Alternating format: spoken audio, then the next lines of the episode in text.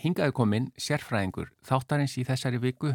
Uh, það er Sigmundur Gretar Hermansson eða Simmi Smiður eins og hann kallaði sér velkomin og takk fyrir að vera sérfræðingur í, í þetta sinn. Já, takk fyrir að bjóða mér. Þú, hérna, það eru einhverju sem þekkja þig bara reynilega samfélagsmiðlum uh, uh, bara Simmi Smiður á Instagram eða ekki? Jú, jú, jú. Þú byrjaði á Snapchat. Já, og er þá þar bara svona að deila alls konar hlutum sem þú ert að gera í þínu starfi eða hvað? Já, þetta byrjaði sem, sem sagt, bara upptaka þegar ég var að gera upp íbúð okkar hjóna mm. og reyndi að deila fróðleg sem smiður, hvernig ég geri hitt og þetta og, og svo bara færðist þetta út í vinnuna og, og ég er að ráðleika fólki ímist og svara kannski hátt í 80 manns á dag Já, það er svona mikið wow. Já, fólk að senda mér alls konar fyrirspurnir og myndir og, og hvort að þetta geti verið eitthvað sem er að skoða betur eða Þetta er árið bara þjónusta í gegnum samfélagsmiðluna Já, þetta er, þetta er talsverð vinna. Ég ætlaði einmitt að vera að segja, hefur þú tíma í þetta? Já, og mikið áreiti. Já. Mikið áreiti. En ég menna þú ert ekki að rukka fyrir ráðin þarna eða hvað? Nei, nei, en ef þetta... En þú ættir að fara að gera það kannski. nei, en þetta er sko, þetta er hérna, mér finnst gott að geta hjálpa fólki, mm -hmm. en þetta er ofta svolítið takmarkandi, af því að ég er ekki vanur að meta eitthvað út frá ljósmyndum, af því að það er líka svolítið maður þarf að vera vakandi fyrir því að þetta getur nota gegn manni eða notað einhver staðar. Já, já. þannig að allt sem ég sendi frá mér getur einhver tekið skás, uh, skjáskot af já, í einhverju kröfumáli til dæmis. En það við komum líka að því á eftir í setni hlutunum að það eru spurningar að það kannski stundum er ekki nægar upplýsingar til þess að virkilega koma með einhverju svona virkilega uh, góða ráðlengingar eða, eða faglegar Mér finnst alltaf betra að skoða hlutin koma á staðinn og Einmitt, og talandum að tröfla þig einmitt í vinnunni, við, þú ert akkurat að koma úr vinnunni til þess að koma hingað. Einmitt, einmitt. Þannig að okkar hlustendum munum bara njóta góðsaf. Já, já. Þannig að við þakkum þér kærlega fyrir það. En segja okkur aðeins að því þú varst að segja mér frá svona þínum bakgrunni hérna mm -hmm. að við fórum í loftið. Eh, þú ert ekki bara smiður, eh, segja okkur aðeins bara þína sögu. Já, ég sérst, byrjaði í einskólanum 2001 og læri húsgagnasmíði mm. og svo húsasmíði og klára sveinspróf 2006 og vinn sem smiður þá mm -hmm. þángar til ég slasa mig á hnið og þá hvetur afi minn mig sem var þá hættur að vinna sem leknir til þess að fara í stútensprófið því að hann hafði mikla mætur á því Já. og e, fannst ég kannski verið að fara svolítið út af brautinni með því að læra smíði á þessum tíma Nú? Svona, fór í MR og, og kendi læknisfæði og, og, og vildi endilega ég færi í þá átt að ég fór í, í, í svona háskóla brú mm. og þaðan í jarðfræði og útskjáðast með BS í jarðfræði mm -hmm. og vildi tengja það saman við húsasmíði um, sóttum mikið að vinnum uh, bæði að veðurstofinni líka og, og fekk ekki neina vinnu 2013 og þá neytist ég bara til þess að fara að smíða og vann þá hjá fyrirtæki sem að vann sem undirverst að gefa tryggingafélögum. Og það er náttúrulega mikið af vastjónum Já. og þar nýttist kannski þekking minn sem smiður uh, varandi grunnvatn og annað og, og fór bara svolítið mikið út í það að, að kynna mér raka í fastegnum og satt til að mynda fyrst námskeið sem að yðan faraðslusetur heldur sem heitir Raki og Mikla 1, 2 og 3 mm.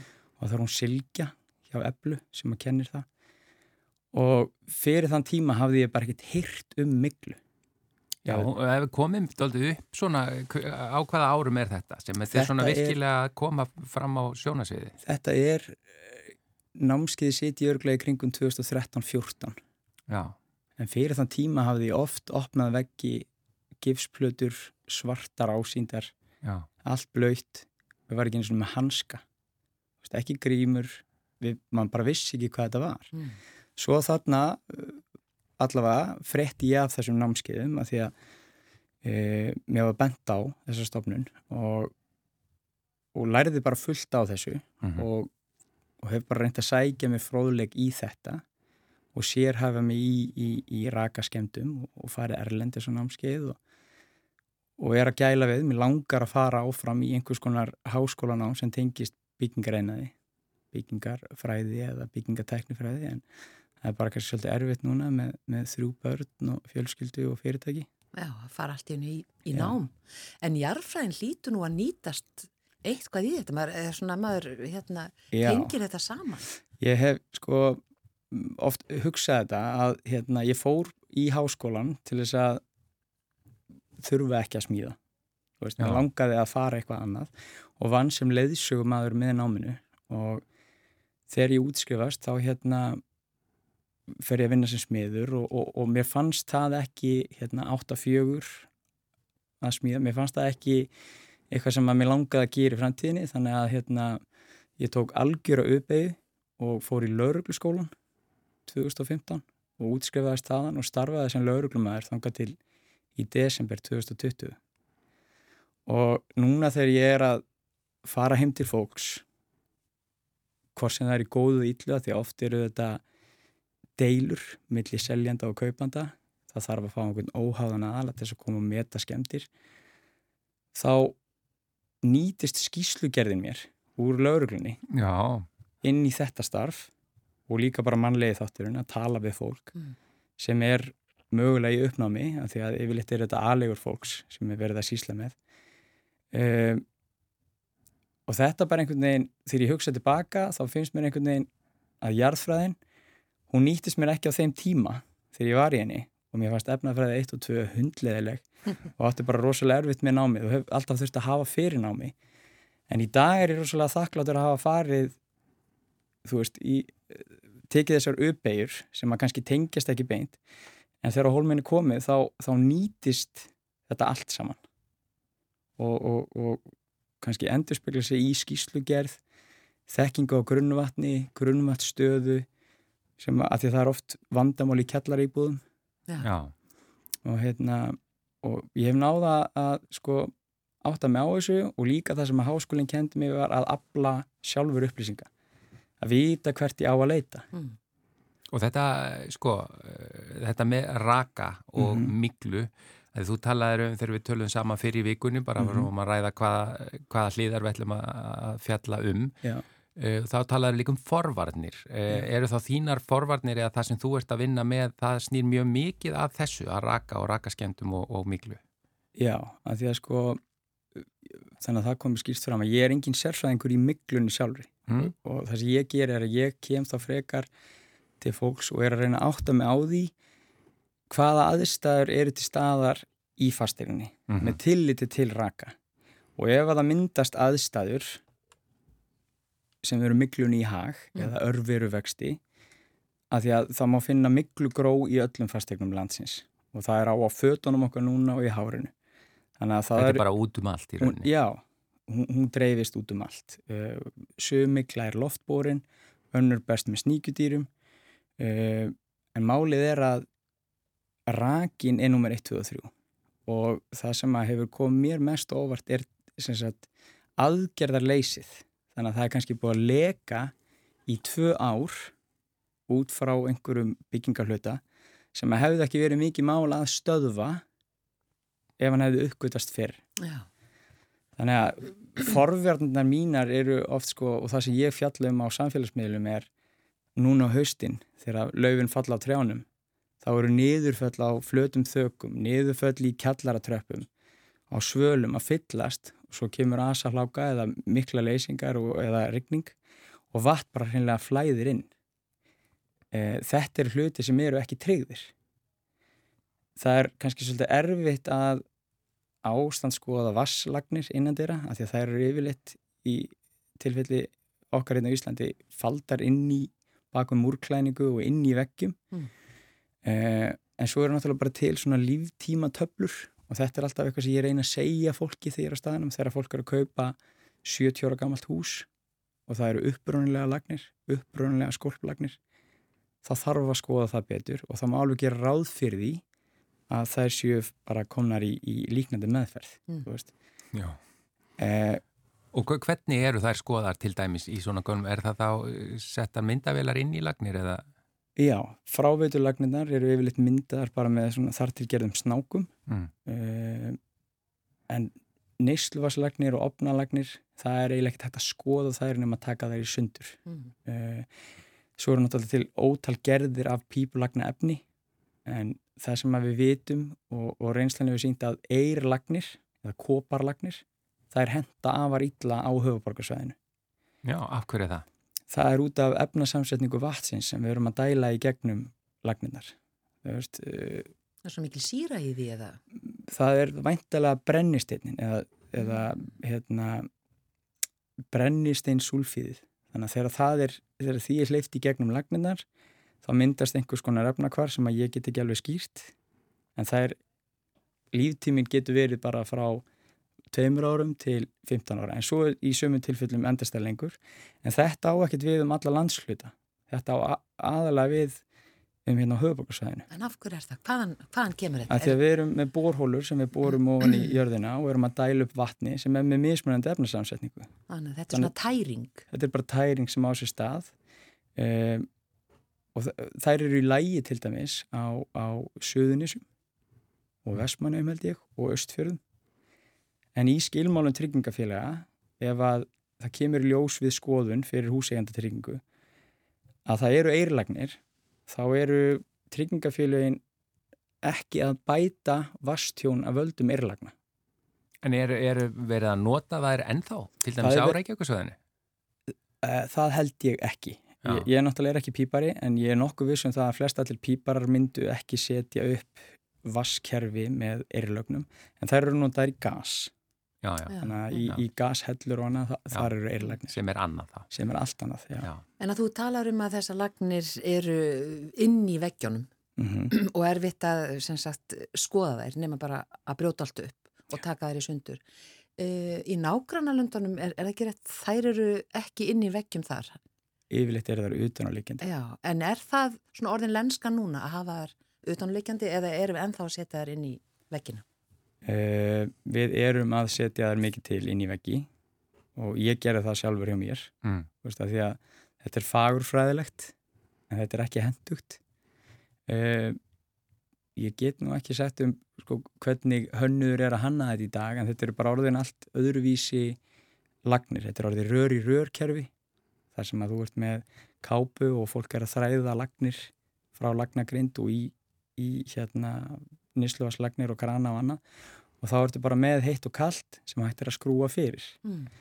eh, en þetta er náttúrulega ekki í gömlum húsum. Og já, ég er Hættan er meiri í gömlu húsunum. Já, líka bara það er allt komið á tíma veist, er, já, já. og ég er rosa lítið að skoða nýbyggingar.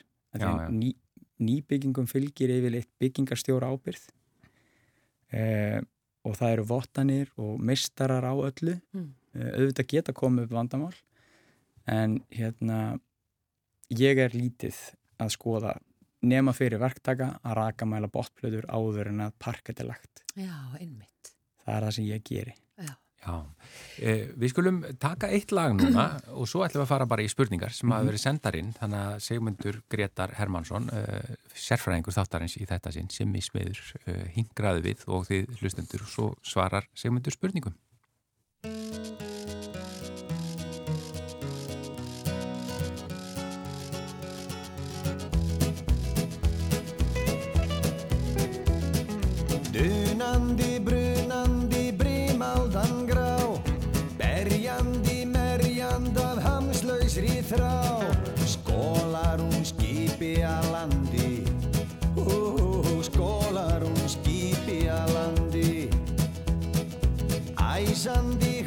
hvæsandi, hendi sér á Læjandi, æjandi, veldur svo frá.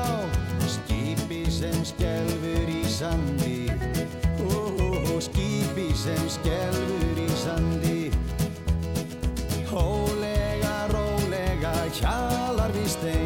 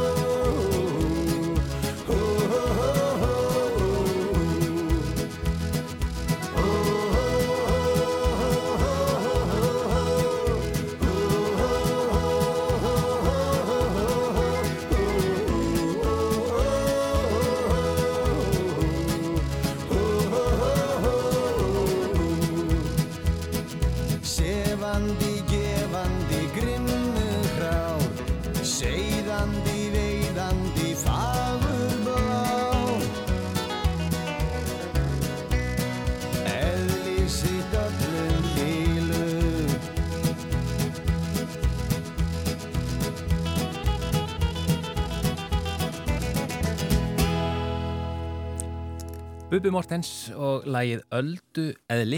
Og, við, já, já, við erum með sérfræðingin hjá okkur, Sigmundur Gretar Hermansson, sem er smiður mm. og við erum búin að vera að ræða svona miklu og raka og alls konar frá öllum hliðum en nú eru það spurningarnar og e, fyrsta spurningin, hún hljómar bara svona, sætt simmi, byrja þannig. Mér langar að spyrja um fyrirbyggjandi hluti varandi loftgæði og slíkt. Nú var ég að flytja inn í glæni að íbúða jarðhæð og vil gera allt sem ég get til að koma í veg fyrir miklu og raka. Hvernig ætti ég að bera mig aðvarandi loftrastingu þar að segja opna glukka, eh, hver lengi og hversu oft er í lægi að vera með opna glukka í frosti og rigningu eða hvað? Bestu hvað er Guðni?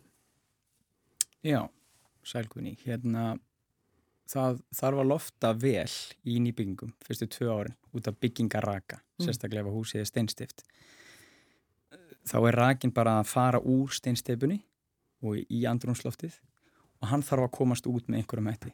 Annarkort með velrætni loftræstingu sem er orðið mjög hérna, algengt í dag að það er bæðið innsók eða sérst innblástur mm. og útsók og þetta þarf alltaf að vera rétt stilt en það breytir því ekki að það er rosalega algengt hjá mér að koma inn í fastegnir klukka nýju um morgunin og fólk segist alltaf vera með opna glukka en þegar við komum inn þá er engin gluggi opinn. Það er dreyið fyrir mm -hmm. og dögg á gleri. Þannig því að loftrakin sem er inn í fastegninni, hann þjættist á kölduglerinu og álgluggum til dæmis, sest í gluggakistur, fólk þurkar þetta ekki strax upp, það fyrir sturtu, kannski tveir aðlar í fastegni til þess að bæta í rakan. Það er hérna svoðuð kaffi og, og, og þvotturinn hengtur upp og þurkarna settur í gang og fólk ríkur í vinnuna. Þannig að ég segi að megin reglan sé svo að það þurfi að lofta út eins oft og hægt er á matna. Þannig að rútínan hjá mér, ég bý í 40 ára gamlu húsi, er ég vakna, klæða mig, dreg frá, opna glugga, veg börnum mín, dreg frá allan gluggum og opna.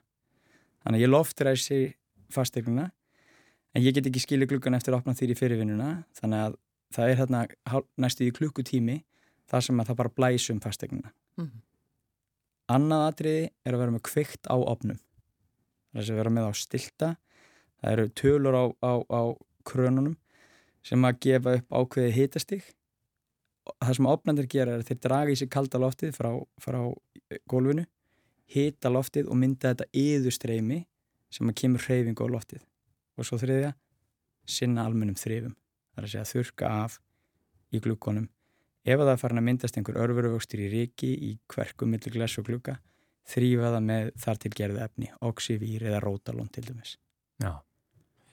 Já. Já. En loftræsting er bara nummer 1, 2 og 3. En þetta, þetta sem þú kalla byggingaraki mm -hmm. e, á nýbyggingum, það er bara að því að steipan er með einhvern raka í sér. Já, steinsteipa er bara blöyt. Þegar hann er held í mótin, hvort sem það eru fórstiftareiningar eða, eða staðstift, þá er bara verulega mikill raki í byggingunni, svo stendur hún líka opinn fyrir veðrum og vindum mm. og það regnir inn í hann á byggingatíma mm -hmm. svo er spröytuspaslaðar vekkir og þeir málaðir þannig að yðinaða menninir bera í þetta raka líka og þetta tekur bara gífurlegan tíma að þortn út En er við þá ofljóta flytja inn í nýbyggingar?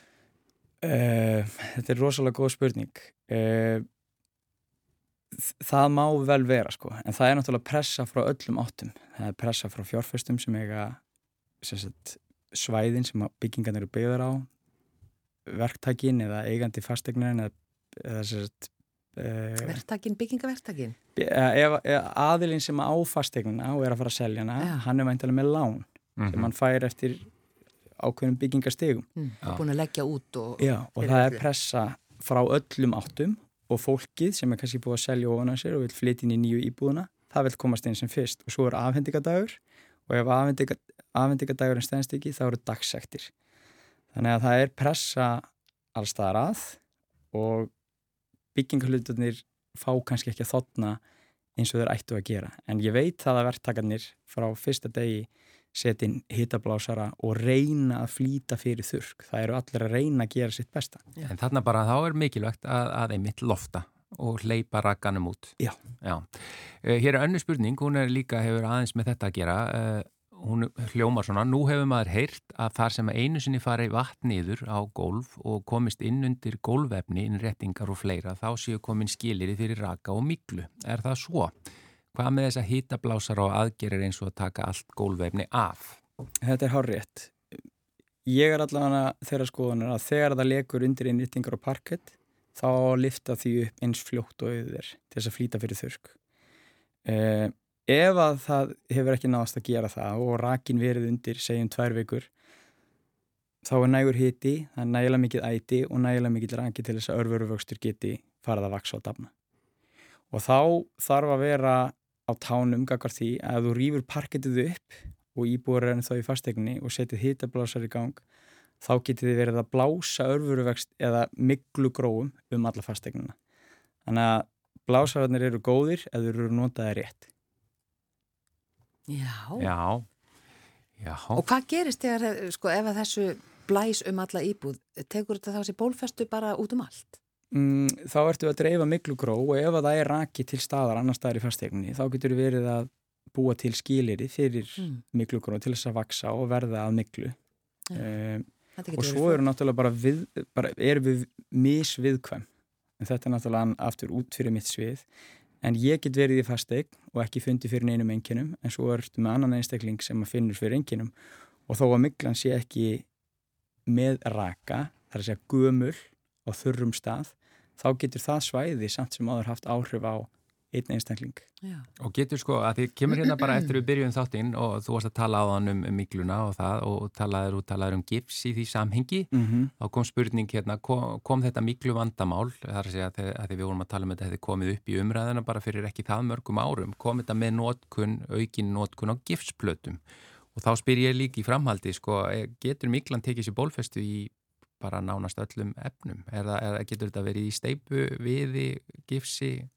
Já, sko uh, miklan getur sagt, uh, byrjað að myndast í holrýmum steipunar þannig að þegar við erum að senda sínu norður akureyri þá eru steipukjarnin brotin í sundur og líffræðingarnir og líftæknifræðingarnir skoða steipukjarnan og þá má sjá oft bara miklu, gró, miklu vaksa inn í holrýmunum uh, mikla getur nánast byrjað að vaksa allstar það sem er raki eitthvað æti og nægilega mikil hiti.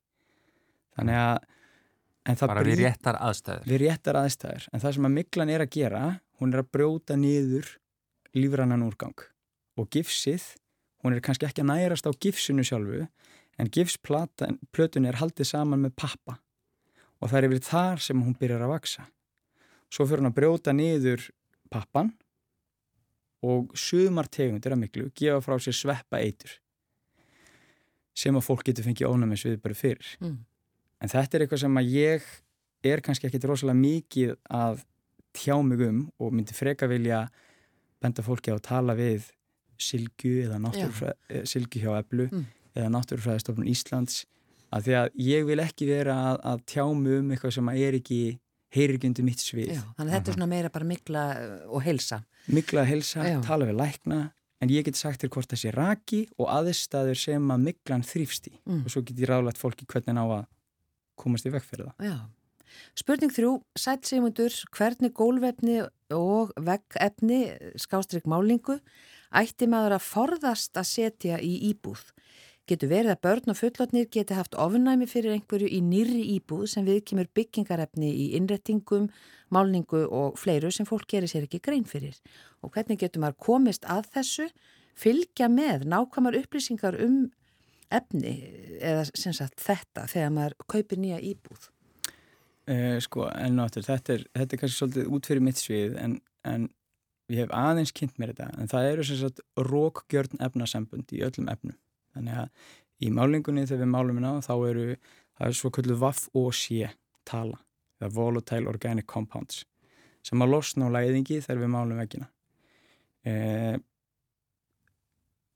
hérna, framleiðendur vörunar þurfa að fylgja ákveðnum staðli og það eru þessar tölur sem að ég hef ekki hugmyndum því herri sem talan er því meiri, meira er að rókjörnum efnarsamvetum að losna. Ja. Þannig að þessi nýja bílaliktinn Svönt fólk áhverjum með að sitja í nýjum sófum, nýjum rúm, það er þessi efnalikt sem við finnum. Mm. Sömur einstaklingar eru viðkvæmur fyrir því.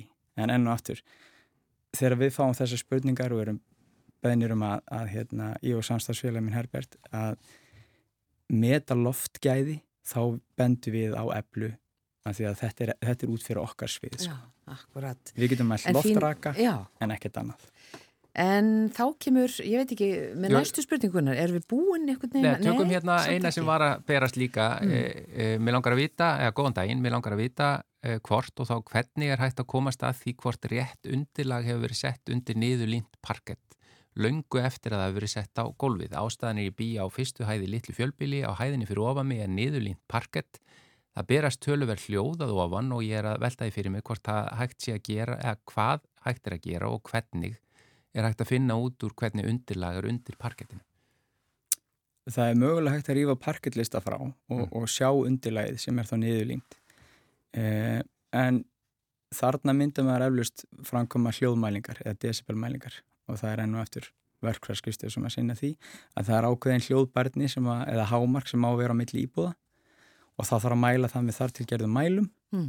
en eins og framkymir í spurningunni þá er þetta fyrir langa, langa lungu og uh, hljóðbærnin í, í, í byggingareglu gerðinni þess tíma sem að fastegninni byggð kannski ekki með sömu kröfur um því í dag sko. Já, akkurat uh, Já, uh, hér er hannur ég bý í fjölbillishúsi fjórar íbúður á fjórum hæðum og við erum að skoða Það að taka þakið í gegn að minnst að kosti málaða en ég hef ágjör af því að það séu skemdir í þakinu sem ekki sjást. Er leið til að sjá það án þess að rýfa allt báriátnið af þakinu fyrst. Sem sagt, eh, við viljum kanna mögulega skemdir áður en við vitum og ákveðum hvað þarf að gera með þakið. Já, maður myndi vilja fá að vita þakgerðina og þakhallan með til, til aðalvarsvarnar sem er þá annarkort dúkurinn eða pappin sem er undir báriátninu Uh, ég myndi byrjaði að hita mynda þakkið innan og sjá hvort það sé einhver, einhver, einhverju kuldapollar eða loft að flæða inn í gegnum þakkið. Það myndi gefa þetta kynna hvort að raka varna lægið mm. sem er einanverðu og spórnar við því að rakin sem við gefum frá okkur komist inn í þakkvirkið og geti valdið skemdum á, á þakkviðinu. Er engin leið að meta þakkvið, börðarvirkið þakka á þess að bara skoðan og pota í hann Já, og það er bara rosa erfitt að komast inn í mörg þög og, og gerur okkur eftir erfitt að, að fara inn í þessi rými eða inn í þögin þegar við erum að skoða festignir þannig að þessin er fyrirvari Á þessari? Já, það er, það er rosa erfitt að, að meta ástand þags á þess að komast tæri við viðin, raka mælan stingi hann með tilitið til fú á hana Þannig að það, þarna fara menn bara upp á háaloft eða... Já, innundi súð. Já. Það er að opna klæðninguna innan, rjúva rakarnalegið og meta þetta þannig. En það fylgir við alltaf talsvert rask. Já, en er þetta þá besta leiðin? Já. Já, já. samt sem áður. Já. En henni fylgir þetta rask. Já, hérna einn bara í lokin, uh, hún snýrað panil í sumabústað, mm -hmm. uh, þekkja margi panilin uh, í bústöðunum. Ég komið sælja á lítinn sumabústað sem er allur klættur að innan í panil eins og svo margir sumabústaðir. Okkur langar svo að breyta litnum á panelinum. Erum orðin þreytta á þessum ljósa við, ertu með einhver tips fyrir okkur, bæði hvað var það framkvæmdinn og okkur langar í leiðinni til að aðtöga hvort ástandað viðnum í húsinu Uh, og mögulega kannakvort að það sé ekki löngu komin tími til að verja viðinn betur útvortis? Já þannig að þetta snýr bæða innan, innan og utan húsins, mm. öll að ráða vel þegin. Er of mikil áhætta fyrir okkur að ætla að gera þetta sjálf? Já, ég, ég hérna, þetta er spurning fyrir málarafinu mína. Uh, en þetta er, ég mæli alltaf með því að fagmenn vinni verkið. Já. Uh, Lendur þú mikið í því að þurfa að laga eftir á þegar fólk hefur alltaf að gera svona sjálft? Eh, sko, hérna, ég hef líka alltaf sagt að maður fyrir ekki fjögur ári skóla til að læra að mála en það er svona grín sem ég hef á mellin mín og málar að vinna mína. En ég veit það í sumabústuðum og þegar það verður að fara að mála panel þá eru kvistir í panelum. Og það er afar mikilvægt að vera með kvistalakk þú ert kannski búin að spröyta tvær umferðir á kvistina og svo fara þeir að blæða í gegn og sjást. Eh, ég myndi í þessu tilfelli bara passa það að viður utan á sjöfambústanum sé þurr að því að á málingadóllum og, og, og, og viðarvörnum er gefið upp ákveði rakastig og það er að kaupa viðarmæla rakamæla sem allir timpur húsa eigundur ættu að eiga. Að því að þú þarfst að mála treverk alla jafna veist, í suð og söð og östur hliðum, allavega hérna höfuborgsvæðinu, á svona fjögur til sex ára fresti. Það er mjög algengt að fólk fái einn lausan rigningadag og máli viðinn en hann er mettaðar á raka. Þannig að, þú veist, alla jafna er kannski hámars viðarraki í, í glerlistum og gluggum má ekki vera meirinn 15%. En þetta stendur alltaf á dollunum. Uh, þannig ég myndi alltaf mæla með því að raka, mæla viðinn, skra, skrapa allt löst, fúa verja á mála og mm. fylgja leiðbynningum framleiðandans. En svo bara fá málar í verkið. Og fá málar, bara fagmann. Já, þeir eru fljótari og það lítur betur út. Já, Sigmundur Gretar Hermansson eða Simmi Smiður, þakka er kærlega fyrir að vera e, sérfræðingur mannlega þáttanins í þetta sinn. Hó, kannski í því aftur síðar. Endilega.